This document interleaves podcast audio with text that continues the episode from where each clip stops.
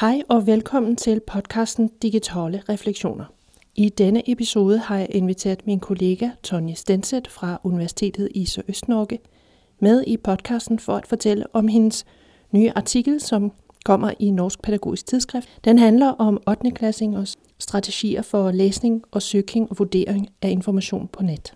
I show notes finder du en linke til en kronik om artiklen og et optag med Tonje fra forskningsdagene. Hej Tonje. Hej Jan Therese. Du, øh, I dag har jeg jo inviteret dig med i podcasten. Kunne du ikke lige øh, præsentere dig selv? Jo, jeg heter Tonje Stenseth, og jeg jobber på lærerutdanninga øh, ved Universitetet i Sørøst-Norge, Campus øh, Vestfold. Øh, og der jobber jeg primært med masterstudentene på GLU. Du har jo skrevet en artikel til øh, Norsk Pædagogisk Tidsskrift, som kommer i januar 2021. Der blir den publisert. Den heter Når målet er læring, har eleverne gode nok digitale leseferdigheter'. Og den øh, synes jeg er interessant, og derfor har jeg jo invitert deg til å være med i denne her. Kunne du ikke fortelle oss litt om, hva artiklen handler om? Jo, eh, den handler jo litt som, som det fremgår av, eh, av tittelen, som du nettopp sa. Altså dette med om elever har gode nok digitale leseferdigheter til bruk i skolen. Eh, fordi eh, det er jo sånn at i, elever forventes jo i økende grad ta i bruk digitale enheter som en del av det læringsarbeidet som skjer i klasserommet.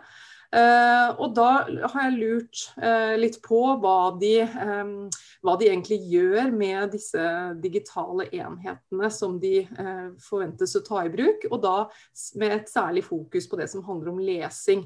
Så jeg har altså vært interessert i å se litt på selve leseaktiviteten som elevene engasjerer seg i når de får en konkret oppgave som de skal løse. Så det er veldig overordna det artikkelen handler om. Mm. Og hva er det, som er særlig utfordrende? Altså, hva er det, der har gjort, at du, sådan, at du tenkte at det her vil du undersøge nærmere? Hva er, hva er problemet egentlig med læsning på skærm? Ja, nei, Det kan jo være mange Det kommer litt, litt an på hvem du spør. Eh, men eh, jeg tenker at eh, hvert fall utgangspunktet mitt for denne artikkelen det, det glemte jeg å si, at dette er jo elever på åttende trinn. Så det er ungdomsskoleelever. Ganske ja, unge, unge ungdommer. Men vi vet jo ganske mye om hvordan ungdommer bruker digitale enheter utenom skoletid. Altså Vi vet en del om hvor mye tid da, de bruker daglig på å forholde seg til skjerm eh, eh, utenom skolekonteksten. Så det har vært litt utgangspunktet for eh, artikkelen. Fordi jeg ønsker å se på om, man, om denne, disse ferdighetene som de har når de skal bruke det digitale i eh, klasserommet, og når det er læring da, som, er, som er målet, om de har de da eh, de, den lesekompetansen som kreves. Og det, for det er det jo det har jeg vært litt usikker på. Eh, I andre studier som jeg har sett, så er det mye som tyder på at de kanskje ikke har det. Eh, og studier som andre også har gjort, så er det nettopp dette med å kunne forholde seg til, eh, til tekster på skjerm i en læringskontekst kan være utfordrende. Og da er det jo særlig dette med at det er så mye annet den digitale enheten kan brukes til, som, som skaper kanskje en en ekstra utfordring ved, ved, det digitale. Og det kan jo vi kjenne oss igjen i, vi voksne også. Altså det er lett å, å miste fokuset på det man skal gjøre, og, og, kanskje engasjere seg i helt andre typer oppgaver da, enn, enn man, den læringsaktiviteten som man kanskje egentlig eh, hadde satt i gang med. Ja, det, det, er jeg helt enig med deg i. Det er vi mange der kjenner igjen. At øh, når noe kan mange forskjellige ting, og det digitale, så øh, blir man lett distrahert og mister fokus. Så hvordan har du undersøkt det her? Altså, du sier det var 8. trinn. Mm, åttende trinn. Eh, og da er det jo dette med eh, dette helt konkret som jeg har lyst til å se på, da, det er de strategiene som elevene bruker når de skal eh, bruke digitale enheter på å løse en oppgave og lese tekster. Eh, fordi at eh, dette med eh, For en annen utfordring, en har mange, men en annen utfordring i tillegg til dette med, med å holde konsentrasjon på en oppgave skal, man skal gjøre, det er jo nettopp dette med å finne, finne tekster, eh, finne informasjon på nettet. Og, og, også forstå den informasjonen, men å kunne sette den sammen. Altså integrere, som vi kaller det, informasjon fra flere tekst, kilder, eller enheter som man har funnet på, på nettet, er, er jo en, noe som krever eh, ganske avanserte lesestrategier. sånn at det var det jeg var litt interessert i å se i, i denne studien. Um, og da, så, så, Problemstillingen min var hva som kjennetegner da de digitale leseferdighetene når elevene skal søke og velge tekster på internett til bruk i en skoleoppgave. Så da har det vært et særlig fokus på nettopp dette som handler om navigering når elevene skal finne informasjon, og også hvordan de beveger seg på en nettside og mellom nettsider. Eh, og, det, eh, og, det, andre fokuset har handlet om hvordan elevene evaluerte tekstene de fant. Altså dette som handler mer om kildevurdering og kritisk vurdering av, eh, av informasjon som, som de, de, fant i søkene sine.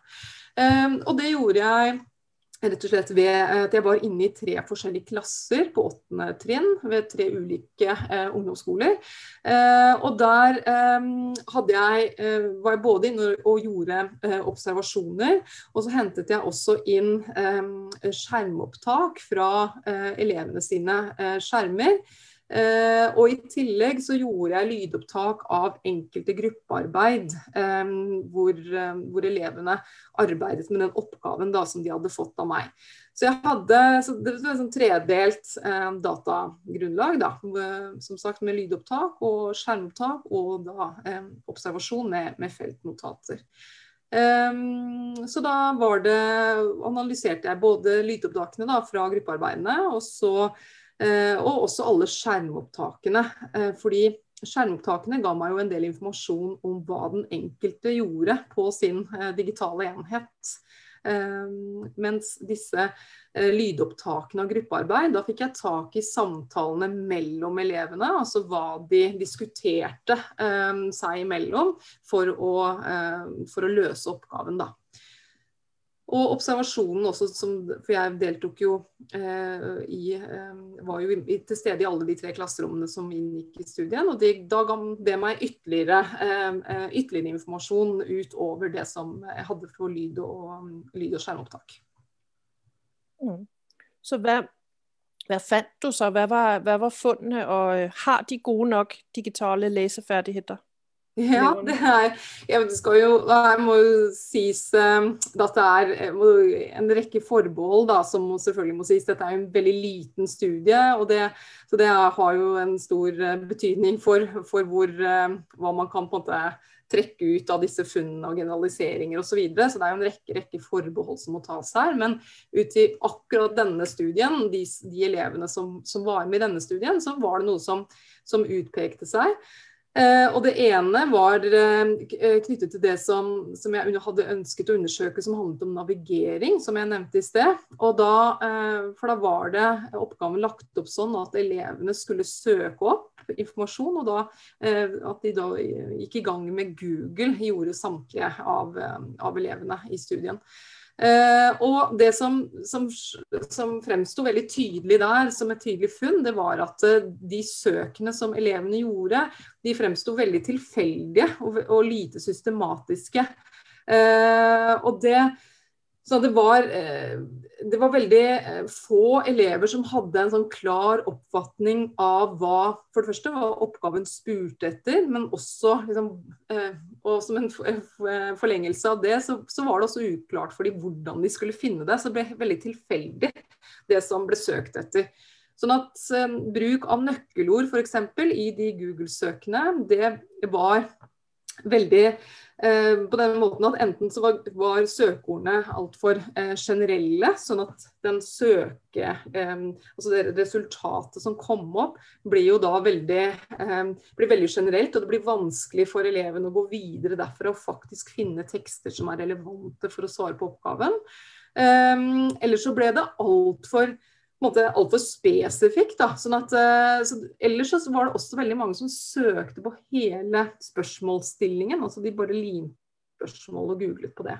Det var, en, et, det var liksom gjennomgående. Um, men, men lite, uh, lite, altså lite, strategibruk knyttet til dette med, med, med Google-søk og bruk av nøkkelord var det veldig gjennomgående. En annen gjennomgående ting som kom opp som jeg la merke til da jeg analyserte disse skjermopptakene, det er jo at den interaksjonen som elevene hadde med de digitale tekstene, eller som de faktisk hadde klikket seg inn på en tekst, så scrollet de eh, veldig mye opp og ned um, på de sidene. Så de, når jeg skulle sitte og analysere skjermtakene, så var det nesten ingen elever som, som, på en måte holdt bildet stille eh, lenge nok til at det gikk an å lese hva som sto der. Det var veldig mye sånn scrolling og klikking fram og tilbake eh, mellom sider. Så det var vanskelig egentlig å forstå helt hva, eh, hva elevene drev med. Eh, det, så Den fremsto litt sånn forlengelse med dette med tilfeldighet som jeg nevnte i sted under navigering. Så fremsto også den derre eh, samhandlingen eller interaksjonen med tekstene som de faktisk likte seg inn på, også helt tilfeldig. Eh, så igjen, lite strategisk eh, var det som, som, var gjennomgående. Ja, for når man scroller så hurtig, så mm. får man vel inntrykk av at de, de nærmest ikke vet hva de leter etter? Nei, så det var, det var veldig jeg, Det inntrykket jeg fikk, da, og som også um, kombinert med de observasjonene altså når jeg gikk rundt og, og fulgte med um, i, i, klassene, så var det nettopp at dette at de, de, hadde De leter etter noe, altså i anførselstegn, men de, de, har ikke noe klar formening eller strategi eller konsentrasjon for å få tak i på en måte, hva, hva dette noe er. da. Og derfor så ble det veldig, veldig tilfeldig. Og mye scrolling, mye skifte, klikking mellom nettsider. Eh, og så er det en annen ting som går med på dette som handler om evaluering og vurdering av, um, av resultatene som de fikk opp. Og det, der var det Det skal jo sies, da, det var noe som var positivt. at det, Der var det en del elever som Og det så jeg også da jeg gikk rundt og, og snappet opp litt av samtalene eh, også. At der var det en del elever som gikk inn og vurderte resultatene. Eh, hadde noen tydelige strategier for det. Men de aller fleste eh, gjorde jo ikke det. og og, de, og, det er en som særlig gir uttrykk for hvordan hun tenkte rundt vurderingen. og, det, og Hun sier at eh, jeg bare starter på toppen her, så tar jeg de tre første som kommer opp. Altså de tre første treffene. Og resten trenger jeg ikke å se på, for Google tenker jo for meg. Så det har et, syns det virker som at elevene har en ganske stor tiltro til Google. At Google vet hva de leter etter, uh, uten at de nødvendigvis vet det selv. Så det var også litt, litt interessant. Um, kritisk lesing var også noe som jeg var liksom ute etter å se etter. I hvor stor grad um, hvor stor grad de klarer å på en måte identifisere ulike synspunkter, og, og hvordan de bruker ulike kilder for å begrunne påstander, f.eks. Og der er det også mange som um, klarer å identifisere hvem som har skrevet teksten de klikker seg inn på, og også når den, når den var publisert. Men det er ikke noe mer, eh, det er ikke noe mer måte, dyptgående eh, strategibruk knytta til kildeevaluering enn det. F.eks. så er det en elev som sier eh, jeg ser om jeg finner noen kilder som er skrevet av folk med høy utdanning og sånn, og kilder som jeg kjenner fra før. Sånn at det er jo det er for så vidt Man kan jo tenke at det er et, et, å bruke utdanningsbakgrunn som et kriterium for å vurdere forfatterens ekspertise og troverdighet. Det vet det kjenner vi igjen fra flere andre studier. Men, men, men det kan jo eh, eh, det kan jo også eh, Det er ikke sikkert at det nødvendigvis er nok for at kilden eller den teksten trenger å være relevant for eksempel, til det du skal bruke den til, selv om det er en troverdig forfatter som har skrevet det. Hva var du, hva var du mest overrasket over de her funn? Ja, jeg, jeg, var kanskje mest overrasket over at de, eh, at de, gikk i gang med oppgaven uten å ha noen eh, måte, formening om hva de skulle søke etter. Altså det, eh, det, var kanskje det som overrasket meg mest. Fordi det var så tydelig for, for så mange at det var så mange av disse elevene som ikke hadde noen klare strategier for hva de skulle søke etter. Så de bare heiv seg i gang. Eh, så det overrasket meg kanskje mest. Jeg hadde trodd at de enten brukte hverandre i større grad for å diskutere hva er det denne oppgaven spør etter, hva er det vi skal finne osv. Eh, men det ble veldig mange sånne individuelle prosesser hvor de bare satt i gang med noe søk, og så var det helt tilfeldig hvor de havna. Noen klarte jo å havne på tekster som, som, faktisk de kunne bruke for å løse oppgaven, men veldig mange gjorde ikke det. Sånn at eh, det kanskje overraska meg aller mest. Og det peker jo på at, eh, at det utfordrer jo litt den her forestillingen mange har om, at øh, de unge er digitalt innfødte, de er vokst opp med det, og derfor så kan de det så mye bedre end oss. Og det øh, er der jo mange områder, og det her er et av dem, hvor det viser seg at det kan de faktisk ikke, og de trenger, de trænger øh, kan man kalle det opplæring, men altså i hvert fall at, at lære, og lære hvordan, lære strategier og lære at vurdere kildene. Hva tænker du, at vi skal gøre anderledes baseret på det her? Altså når vi, når vi nu ved, ved det her, hvad, hvad skal vi så? Ja, nei, det er jo det store spørsmålet. Men ja. Og en god begynnelse er jo å jobbe eh, mye mer eh, strategisk med strategier, hvis det går an å si det på den måten. Men at man jobber mye eh, tettere, eller mye mer med dette med å, når man skal bruke internett for å løse en oppgave, og når man vet hvor lett det er å gå seg vill på internett, og hvis man ikke da har en klar formening om hva man skal gjøre, så, så er det enda lettere å havne på villspor. Så jeg tenker jo at det aller, eh, kanskje noe av det aller viktigste, det er jo å jobbe med liksom en sånn oppgaveforståelse. Altså hva er det denne oppgaven spør etter? Og, og, da ha rett og slett noen gode strategier for hvordan man skal gå videre. Det tenker jeg er helt første, første skritt. Um, og så handler det jo selvfølgelig også mye om dette, dette med å um, bruke de digitale enhetene uten at, man, uh, uten at, man, blir distrahert. Og da er vi jo også over på dette som handler om lesing og hvordan man, man skal lese. fordi at dette, denne studien uh, viser jo også noe om en, en, um, en sånn lesetilnærming som ikke, hvor ikke dybdelesingen eh, var i fokus på noe som helst måte. Og så, så, det er de der sammenhengene med fritidsbruk og med skolebruk som jeg, som jeg også er litt opptatt av. At, at det er derfor eh, elevene i så stor grad må lære å lese i en skolekontekst. Fordi at det ser ut til at de bruker synes jeg, mange av de samme eh, tilnærmingene til tekst. Eh, uavhengig av om det er en, en, på en fritid, fritidsbruk eller om det er en skolebruk. Og det er klart at det her handler det i veldig stor grad om å differensiere lesingen sin. Altså Man leser annerledes når man leser gjennom en, eh, en nyhetsfeed på sosiale medier, enn når man skal dybdelese eh, en tekst eh, som man skal bruke for å svare på en skoleoppgave. Det er to forskjellige tilnærminger til, til, lesing. Sånn at at elevene må utvikle noen strategier, sånn at de klarer å eh, differensiere mellom de måtene å forholde seg til tekst når de er på nettet, det, er, tenker jeg er uh, veldig eh, essensielt. Og det, det, kan, det, er vel noe så simpelt som at man som lærer simpelthen tar opp altså, og, og, snakker om hva er det for en tekst øh, det her er. Hva er en hensiktsmessig strategi? At man presenterer dem for ulike typer av tekst. og snakker om, hvordan læste du den, og hvad er hensigtsmæssigt osv. Og det samme med, med søg af information også. Øh, når man har givet opgaven og tage et par minutter til at en fælles prate om, øh, hvordan kunne det være lurt at gå til den her opgave, hvad for nogle, hvad for nogle, øh, hvordan kunne man håndtere sin informationssøg, hvad kunne være en informationssøgestreng osv. Altså sådan ja. eksemplificere det lidt, øh, bed dem om at sætte ord på det, forberede ja. dem på den måde. Mm. Og ikke tro at det liksom kommer av seg selv.